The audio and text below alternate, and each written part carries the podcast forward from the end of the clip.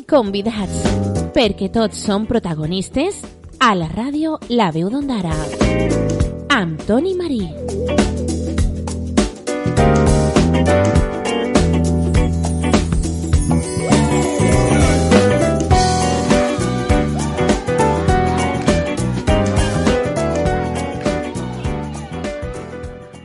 Hola a totes i a tots, benvingudes i benvinguts al programa Taula de Convidats, un espai que pots escoltar els dilluns a les 7 i quart de la vesprada i repetit els diumenges a les 9 del matí. Un programa que pretén parlar amb gent del nostre poble que destaca a nivell professional o que està fent coses interessants a nivell professional. Avui tenim el gust de comptar amb la presència de l'ondarenc Jaume Noguera. Ell està fent el doctorat en Química a la Universitat de València i és el nostre convidat avui. Ell es troba a València, en concret a la zona de Burjassot Paterna, després que ens aclare exactament on està, i ens està escoltant a l'altra part del telèfon. El saludem. Jaume Noguera, com va? Hola Toni, molt bona vesprada, gràcies per convidar-me. Gràcies a tu, és un plaer poder parlar amb tu perquè ens alegrem que gent del nostre poble estiga fent coses ben interessants des d'un punt de vista professional. Jaume, com dic, tu ara en aquests moments estàs estudiant el doctorat en Química i ho estàs fent amb un grup d'investigació. Conta'ns exactament què estàs fent i per què estàs fent un doctorat, amb quina finalitat? Bé, pues, inicialment eh, el, que, el que us hauríem de dir és que una vegada finalitzats els estudis de grau eh, el que tens la possibilitat de, la possibilitat de fer és accedir a, als estudis de postgrau, que és mitjançant un màster, i en concret, eh, en el meu cas, vaig fer un màster en nanociència i nanotecnologia, que imparteix l'Institut de Ciència Molecular, que ara més abans, si, si de cas, eh, comentarem com està dividida aquí la zona de Burges a Paterna, que és el, uh -huh. en concret el parc científic on el trobe, ara ho detallo un poc més, si vols. Sí, sí. I res, així el, el que fem una vegada acabat el màster, el que pots accedir és a, a estudis que, que al final el postgrau engloben tant màster com estudis posteriors com pugui ser el doctorat. I aleshores mitjançant un màster oficial com és el cas del que vaig fer jo, que haguera pogut ser un altre de la facultat, però en el que en este cas va ser este que, que he anomenat abans, el que fem és accedir a, a un programa de doctorat, en el meu concret és, un, és el doctorat en, en química, i per accedir a tal doctorat el que has de tindre és la supervisió d'un tutor que dirigisca la tesi doctoral i en el meu cas el tutor al qual he, al qual he accedit és un en el que vaig realitzar pràctiques eh, farà llavors a any i mig dos, quan estava finalitzant el grau vaig entrar a una empresa que estava en el viver científic del parc científic.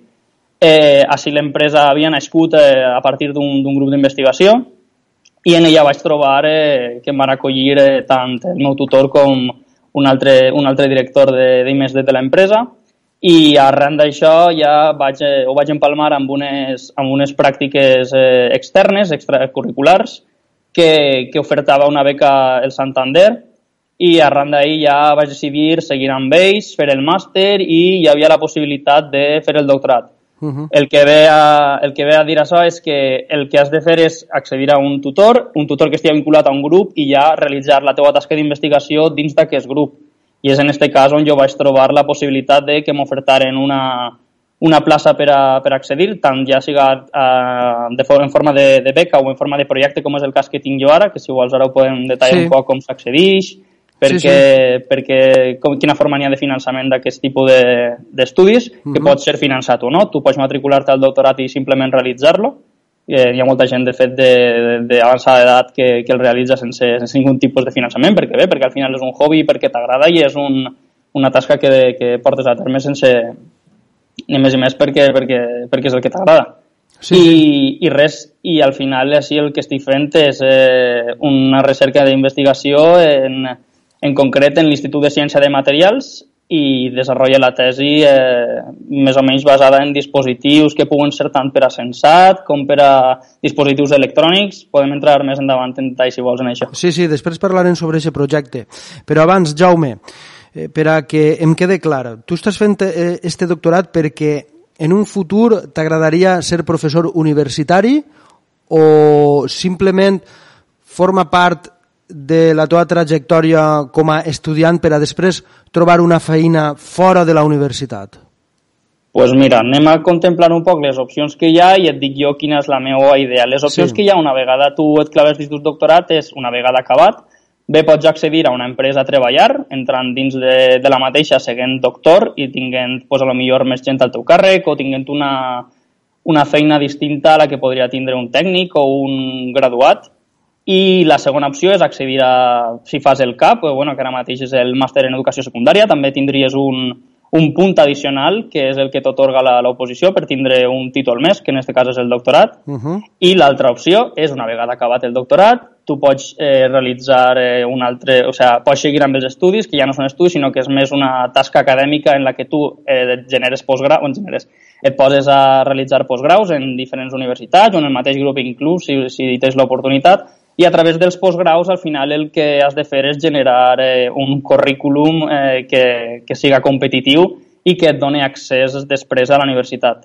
Jo et dic, a moment d'ara em mou més la motivació d'investigar, d'aprendre i de, i de fer el que m'agrada al final i, i si en un cas ja ha plegat el moment, el, el, hi ha la possibilitat de fer postdoc, anar-me'n fora, a seguir aprenent i, plenant currículum i ha plegat cert punt aquest el puc compatibilitzar o puc eh, fer, puc, puc, puc gastar-lo per, per, per entrar a la universitat, ja siga bé de, com, a, com a professor adjunt uh -huh. o algun tipus de, de forma d'anar escalant, pues sí que, sí que m'agradaria anar, anar provant-ho. Però ja et dic, això és qüestió de temps, anar veient tu com van pegant, com van eixint els tirs, com va seguint el currículum acadèmic, que aquesta vida pareix que no, però és molt, molt competitiva sí. i així, any que passa, any que no torna. De fet, eh, sí que és remarcable el fet de que, per exemple, hi ha molta hi ha molt de debat pel fet de que, per exemple, l'edat eh, biològica adequada per a que les dones eh, puguen, puguen ser mares és una concreta i dins de l'àmbit acadèmic, en concret en, en la vida del, del món científic, és una carrera molt dura i que, de fet, s'ha de deixar de, a banda coses com puguen ser la maternitat perquè, sí, sí. al ser tan competitiva, són qüestions que pareix que no, però o sigui, si les tens en comptes eh, vas a perdre't en la carrera i no acabaràs eh, apuntant on inicialment eh, tenies pensat a plegar. Uh -huh. O sigui que per les teues paraules, Jaume, la teua idea inicial és fer carrera acadèmica, no? En principi sí, sí, sí si m'ho permet, el, si permet el meu entorn, sí, això de... seria la, la meva idea. Esperem que sí, de segur que ho aconseguiràs. I en aquests moments estàs amb un projecte. En concret, què estàs fent en aquest projecte? Per a que la gent ho entenga. Sobre què estàs estudiant o sobre què estàs investigant? Val. Eh, el més difícil, així, en aquests punts, aplegats a nivells tan tècnics, és baixar... Però, però això és interessant també, perquè s'ha de poder explicar... Eh, és més complicat explicar algo difícil de forma fàcil que explicar-ho de forma difícil, perquè els que són molt experts al final tenen, tenen la facilitat d'entendre i això no té quasi mèrit. Jo crec que és més meritori el fet de saber baixar i saber posar perquè la gent entenga, perquè al final és com, com s'ha de treballar. Entonces, el que estic fent així, en realitat, pues, dins del grup el que treballem són sobretot eh, dispositius per a optoelectrònica. I què vol dir això? Bé, així el que també fem és eh, la preparació prèvia del que serien dispositius per a tant com LEDs, eh, cel·les solars, eh, sensors, sensors en quin sentit? Sensors que puguen ser capaços de detectar bé doncs, quantitats eh, de, d'un compost que bé siga per a detecció de, de per exemple, de putrefacció d'aliments, tot el que ve ser relacionat un poc amb respostes òptiques de materials i, i en concret el que jo, el que jo estic manejant un poc més és dins del que serien cel·les solars les, les eh, capes que, podries, que, que podríem generar-se entremig per a fer-les més eficients, és dir, eh, al final es generar uns materials que permeten que les cel·les solars actuals siguin inclús millors i inclús tinguin altres propietats més versàtils com puguen ser eh, que siguin flexibles, que tinguen, que tinguin algun tipus de propietat extra o que milloren les, que, les de silici que tenim actualment. Uh -huh. És a dir, que és un poc eh, envoltant el que és la, la part òptica de, dels materials, eh, moure's per ahir. Molt bé. I Jaume, este doctorat, mm, quant de temps dura? És a dir, quants anys té de durada o depèn també de com de ràpid investigues, com de ràpid faces el que, el que et demanen, però més o menys eh, entre quin temps i en quin temps està la cosa?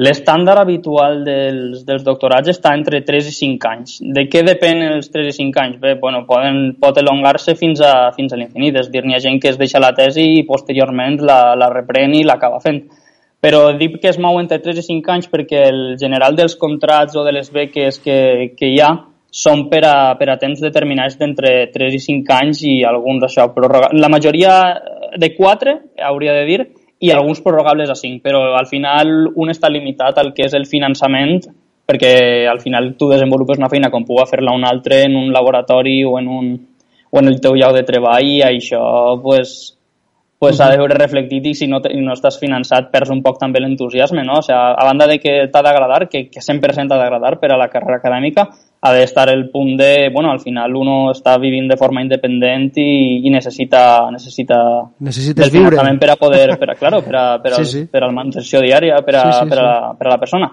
Aleshores, et diria que això, que entre uns 4, 3, 4, 5 anys, depenent de quan estiga preparat el treball per a, per a defensar-se i, i arran d'això ha, hi ha la decisió del, del tutor i, de, i, de, i del grup en si, que, que et donen el vistiplau per a, per a que la pugues defensar.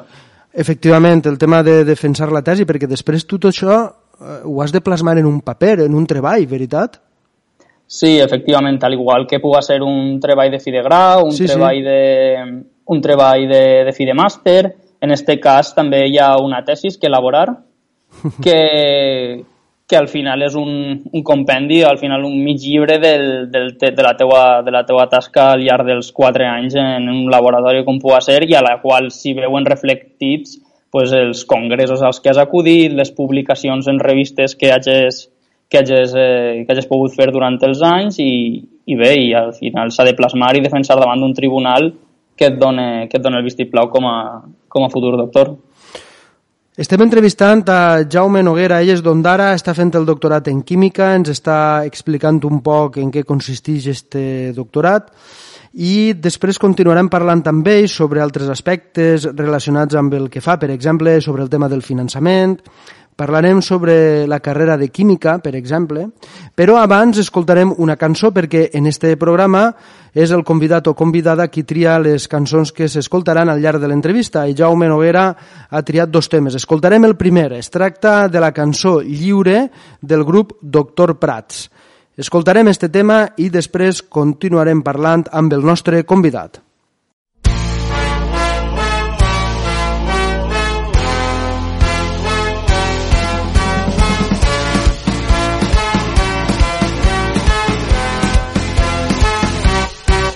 Jo ja sé que és millor viure així amb tot el que faig que perseguir el camí, perseguir-te el pas sense cap norma escrita que em digui què he de fer o em digui qui he de ser. Mai m'ha importat ni com ets, ni què vols, ni amb qui vols estar. L'únic que m'ha importat que de veritat i no pensar-hi massa ben lluny del que diran, del que diran. I ara una cançó ressona des del cor i fent el salt al món. Travessem els horitzons i després de tot, quan només quedem tu i jo, oh, oh, s'ensorrarà la por.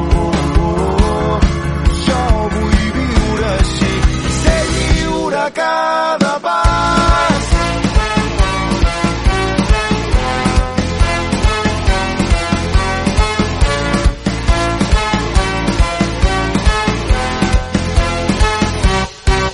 jo ja sé que és millor volar lluny aixecant el vol. I és que al final del camí l'has de fer tu sol. Lluny de tota drecera vivint aquest moment lluitant cada moment. L'únic vull és sentir. No fer cas viure cada instant de la corrent que ens aïlla que ens vol ofegar i fer-ho sense pressa que quan no et vols fer gran la vida et fa gegant. I ara una cançó oh, oh, ressona des del cor oh, oh, i fent el salt al món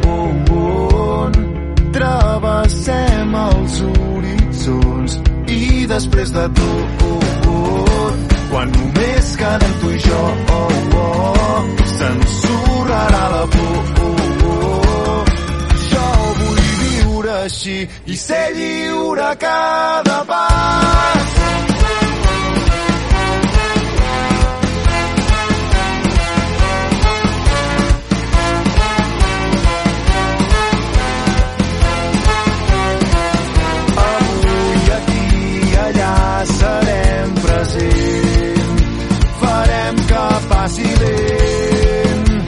deixant que l'esperança corri entre la gent. Avui, aquí i allà serem presents, navegant contra corrent. Tu fes la teva vida que nosaltres ja anem fent. I ara una cançó, oh, oh, ressona des del cor, oh, oh, i fent alçar l'almó, oh, oh, travessem els horitzons i després de tot quan només quedem tu i jo oh, oh, s'ensorrarà la por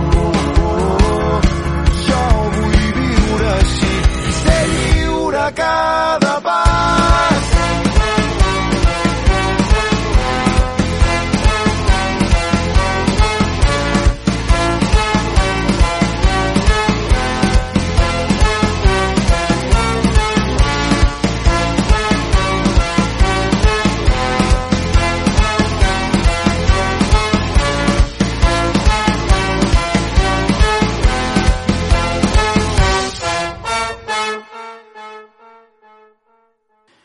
Estàs en el programa Taula de Convidats, un espai que pots escoltar els dilluns a les 7 i quart de la vesprada i repetit els diumenges, m'enganyava, diumenges a les 9 del matí.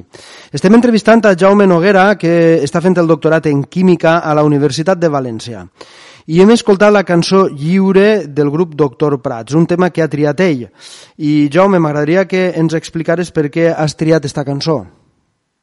Mira, doncs aquesta primera l'he triat un poc eh, sense pensar i vaig estar l'altre dia donant-li voltes i eh, recentment, com, com molt de, dels companys amb els que parle, inclús gent que tinc quasi en el despatx que, que no és eh, valenciano parlant i de fet és de, de fora, des de Castilla-La Manxa, per exemple, són molt d'escoltar ara últimament La Fúmiga, està pegant molt fort, és un grup que està molt bé, de fet les cançons m'agraden molt i tenia pensat posar-ne una d'eixes, però eh, les hores que passen el lab a voltes l'Spotify et fa et fa anar votant aleatòriament i recentment estàs escoltant prou aquest grup de, de Terrassa i el Vallès, crec que és, i la cançó lliure, com a que entre hores i hores que estic en el lab la, la vaig posant i m'està arrelant prou i dic, com no, si, si m'està donant bones sensacions en el, en el treball, pues és una bona cançó per a plasmar, vull dir que és un poc a burro barra que l'he triada perquè, perquè l'he estat cos escoltant eh, aleatòriament. Molt bé.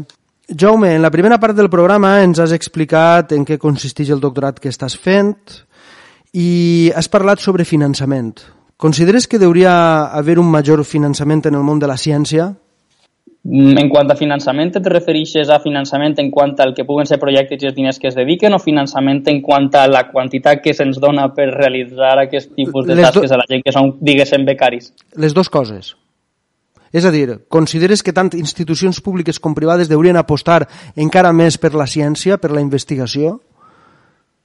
Eh, la resposta òbvia i clara és sempre sí i en quant a el que, el que hi ha, sí que és veritat que no és, no és el que era abans, cada vegada hi ha més i, i, i de millor qualitat, de fet, amb més, amb més eh, finançament, més diners destinats a projectes i de fet molts d'ells es queden, es queden buits sense, sense gent que, que realitzi la tasca perquè al final són places que, se, que es proposen i hi ha gent que, que no aplica, si no aplica ningú o no coneixes a ningú estudiant que vulga que vulgui realitzar-lo pues, pues quedes amb, amb els diners que són dedicats i exclusiva són una partida dedicada al, a la contratació de becaris. Sí que és veritat que al final eh, pot haver una certa resignació pel fet de dir, bueno, és que ja tinc eh, quatre anys d'estudis, eh, un, un màster i al final tampoc és, és per a tirar coets ara mateix. Sí que és veritat que una vegada passat el doctorat, eh, en el cas dels postdocs, les, els projectes i tal ja escala bastant més i ja hi ha una consideració d'un cert rang i ja canvia en el tipus de, dins del tipus de legislació, crec que és, ja tenim un altre, ja estem considerats un altre, en un altre rang i, i sí que canvia, però bueno, inicialment al final, si fas el que t'agrada i al final tens un, una certa compensació per això, per un treball que tu fas, sempre, sempre és d'agrair.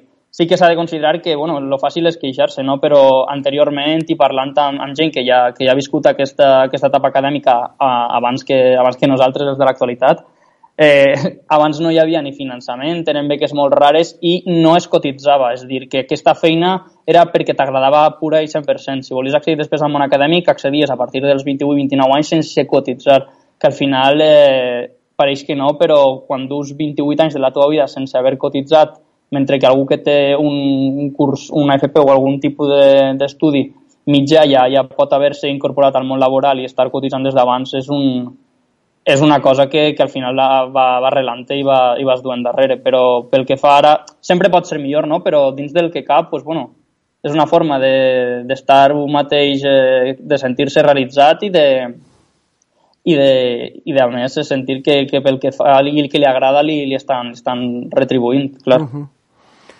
Jaume, per què vas estudiar química?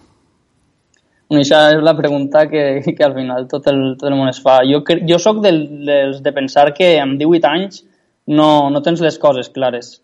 De fet, jo conforme van, van, passant el, van passant els anys ho vaig tenir més clar, que les decisions no, no són permanents ni, ni molt menys fet igual de vàlid podries haver estat per a ser químic que per a ser eh, filòleg, que per haver estat... Entonces, la decisió va tirar un poc pel, pel que a una persona li agrada. Jo tinc molta curiositat per les coses, les, el que és la investigació és una cosa que m'apassiona, és a dir, jo quan, quan estic amb el meu tutor i, i ja inclús per WhatsApp li dic, escolta, que ha fet això tal, i ell un, em dona un feedback de dir és que molt bé, això està... Jo me'n vaig content a casa amb això, jo amb poca cosa m'aconforme. Entonces, jo crec que aquesta curiositat va ser la que em va dir, bueno, jo igual la, la, ciència, la ciència pot ser el meu, m'endinsaré en química, però ja et dic, podria haver estat química com podria haver estat com podria haver estat informàtica o qualsevol altra carrera que, que s'hagués mm. plantejat, perquè al final si t'ho agafes amb gana, qualsevol cosa, ni difícil ni, ni, ni desil·lusionant, o sigui que sempre, sempre va agradar-te i a, i a donar-te. De fet, en la química jo crec que m'he apropat prou al que, al que buscava.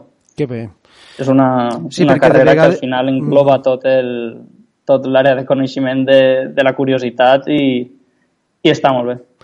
Sí, perquè amb 18 anys tampoc és fàcil triar i encertar. No, jo crec que, de fet, ja no els diu, perquè abans ja, ja per exemple, en el meu moment ja, ja havies de triar ciències o lletres, i és una decisió que pareix que no, però força als estudiants a per, per què jo he de decidir si, si vull si vull o no aprendre d'economia, saps? Perquè aplega un punt que has de dir, bueno, és que si és física i matemàtiques no va a ser economia i, i bueno, és que al final tot, tot és necessari. Jo, en certa part, sí que la mancança està de dir és que jo en 18 anys no... Vull menjar-me el món, però no sé què vull menjar-me en realitat al mateix temps. Uh -huh. Una vegada vaig llegir, Jaume, que tot estava format de química. És, és veritat això? Sí, és que això és l'altra part de la, de la, de l'assumpte. Quan, quan parlem de química, la gent, uh, difícil, uh, bombes, oh, eh, drogues, eh? és la, la part que, que crec que, que més eh, mediàtica és i més rebota perquè no, no, no veiem, o sigui, no, no se'ns explica millor, vull dir. Al final és que la química, com que és la ciència que estudia la composició, propietats i com canvia la matèria, és tot, o sigui, des dels fàrmacs en el que, en el que o sigui, des de la base dels fàrmacs que, que es generen per, per a cuidar-nos quan estem marals, fins al vernís de la porta de casa que, que tenim per protegir-la, fins als sensors per als alcoholímetres i, jo sé, passant per bateries de telèfons, eh, quan produïm energia estem produint química, quan descafeinem el cafè, els processos de llevar la cafeïna a les granes de cafè, això és química també, és que és, és una cosa que al final per al, per al bé de consum de la població és, és necessària, és una ciència bàsica i no, no s'ha de veure tant com certs punts que també són química però que, que, no, que no fan gala a lo que, a lo que ja és en realitat, que és el tot dins de qualsevol, de qualsevol procés, de qualsevol cosa, al final tot darrere és química. Uh -huh. I jo crec que això, si, si ho podem intentar transmetre i fer veure, ja més que res de cara, de cara als papis que estan en casa i escolten i diuen i al final la química eixa això per a què? I què fas? I això vas allí i ara on has anat avui? Què es medito? I això, però això és molt, molt raro, però, però sí, sí, sí, sí, podem aplegar a, a fer veure que, que és un tot que, no, que, està, que engloba moltes coses, jo crec que, que és una manera guai de, de, sí, sí. de fer-ho entendre. Estem... Tu què entens per química, Toni? Tu creus jo... que la química és tot el, el que engloba drogues i bombes o no, ja que va, no. enllà, vull dir? No, jo considero que moltes de les coses que ens envolten dia a dia estan formades per química o que sense la química no existirien. El que passa és que és veritat que si eh, no s'explica a la gent claro. què és la química, tal vegada no ho entenguen, perquè és jo, algo... Jo amb això recordo una, una gran frase que, que, guarde, que guarda molt de carinyo del meu tutor de TFG, i llàstima que vam, vam quedar amb TFG i ja està, perquè el que al final feien ells era ciència bàsica molt, molt enfocada, molt, molt teòrica i estava molt bé per, per plenar eh, revistes de publicacions i al final és, és plena el que diguem el, la Biblioteca del Coneixement, però, però vaig decidir per, per, per acabar així en l'Institut de Ciència de Materials, que és més aplicat, i deia, l'altre dia estava menjant-me menjant un paquet de, de galletes que posava ara sin químicos i si, si això és veritat ens quedarem sense feina perquè si ara les coses van sense químics sí, sí. ens quedem sense res Bé, Jaume, et sembla bé que escoltem un segon tema que tu has triat? Sí, endavant.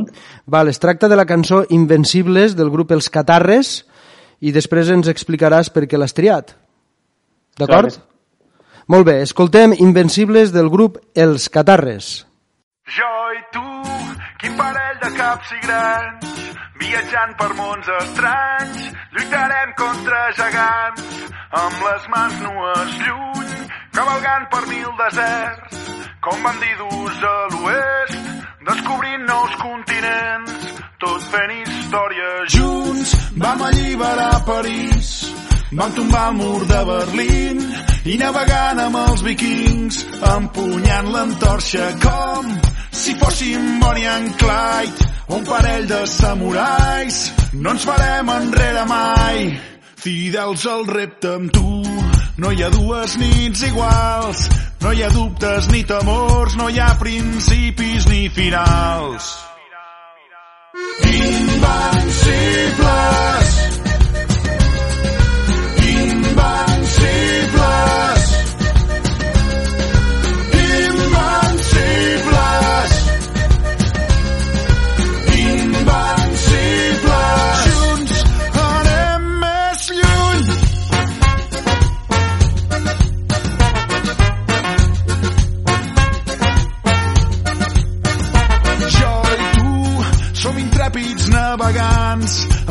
Conquesta dels set mars, pioners i agosarats, hàbits d'aventures com Neil Armstrong o James Cook, el desig d'anar més lluny, cap a mons desconeguts i els seus misteris junts. No hi ha dues nits iguals, no hi ha dubtes ni temors, no hi ha principis ni finals.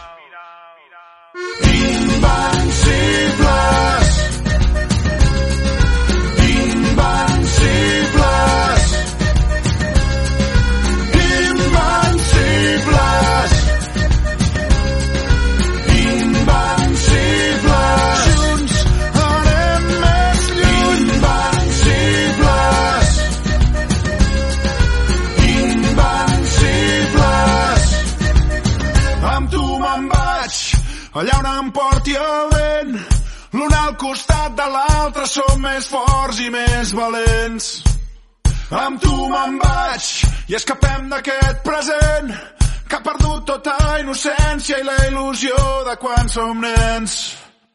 Amb tu me'n vaig, allà on em porti el vent. L'un al costat de l'altre som més forts i més valents. Amb tu me'n vaig i escapem d'aquest present que ha perdut tota innocència i la il·lusió de quan som nens. Hey! Amb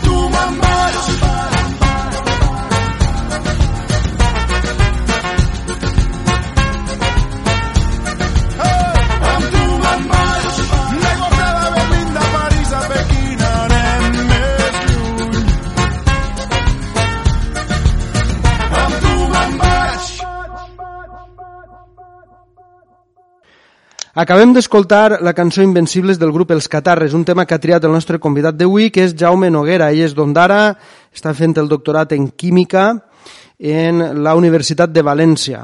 Jaume, per què has triat aquesta cançó? Bueno, aquesta cançó ja és més de, de tirar d'anys i ja com que recordo el primer concert que van fer els Catarres en Pedreguer, concretament, eh, vull dir que el, el primer que van fer en la, en la zona de en la zona de la Marina Alta i vaig anar amb els amics i de fet era un grup que escoltàvem tots junts i em recorda, no sé, em dona moltes bones sensacions, records, records del passat i, i el fet d'estar tots junts, és a dir, que és un poc un canta a l'amistat i, a, i, a, i a temps passats que, que també van estar molt bé. La joventut deixa el despreocupament, la, la despreocupació de, de l'estudiant de 14, 15, 16, inclús de 17 anys, que, que no, no té clar encara què, però, però va, va filant tot a la millor manera que pugui ser.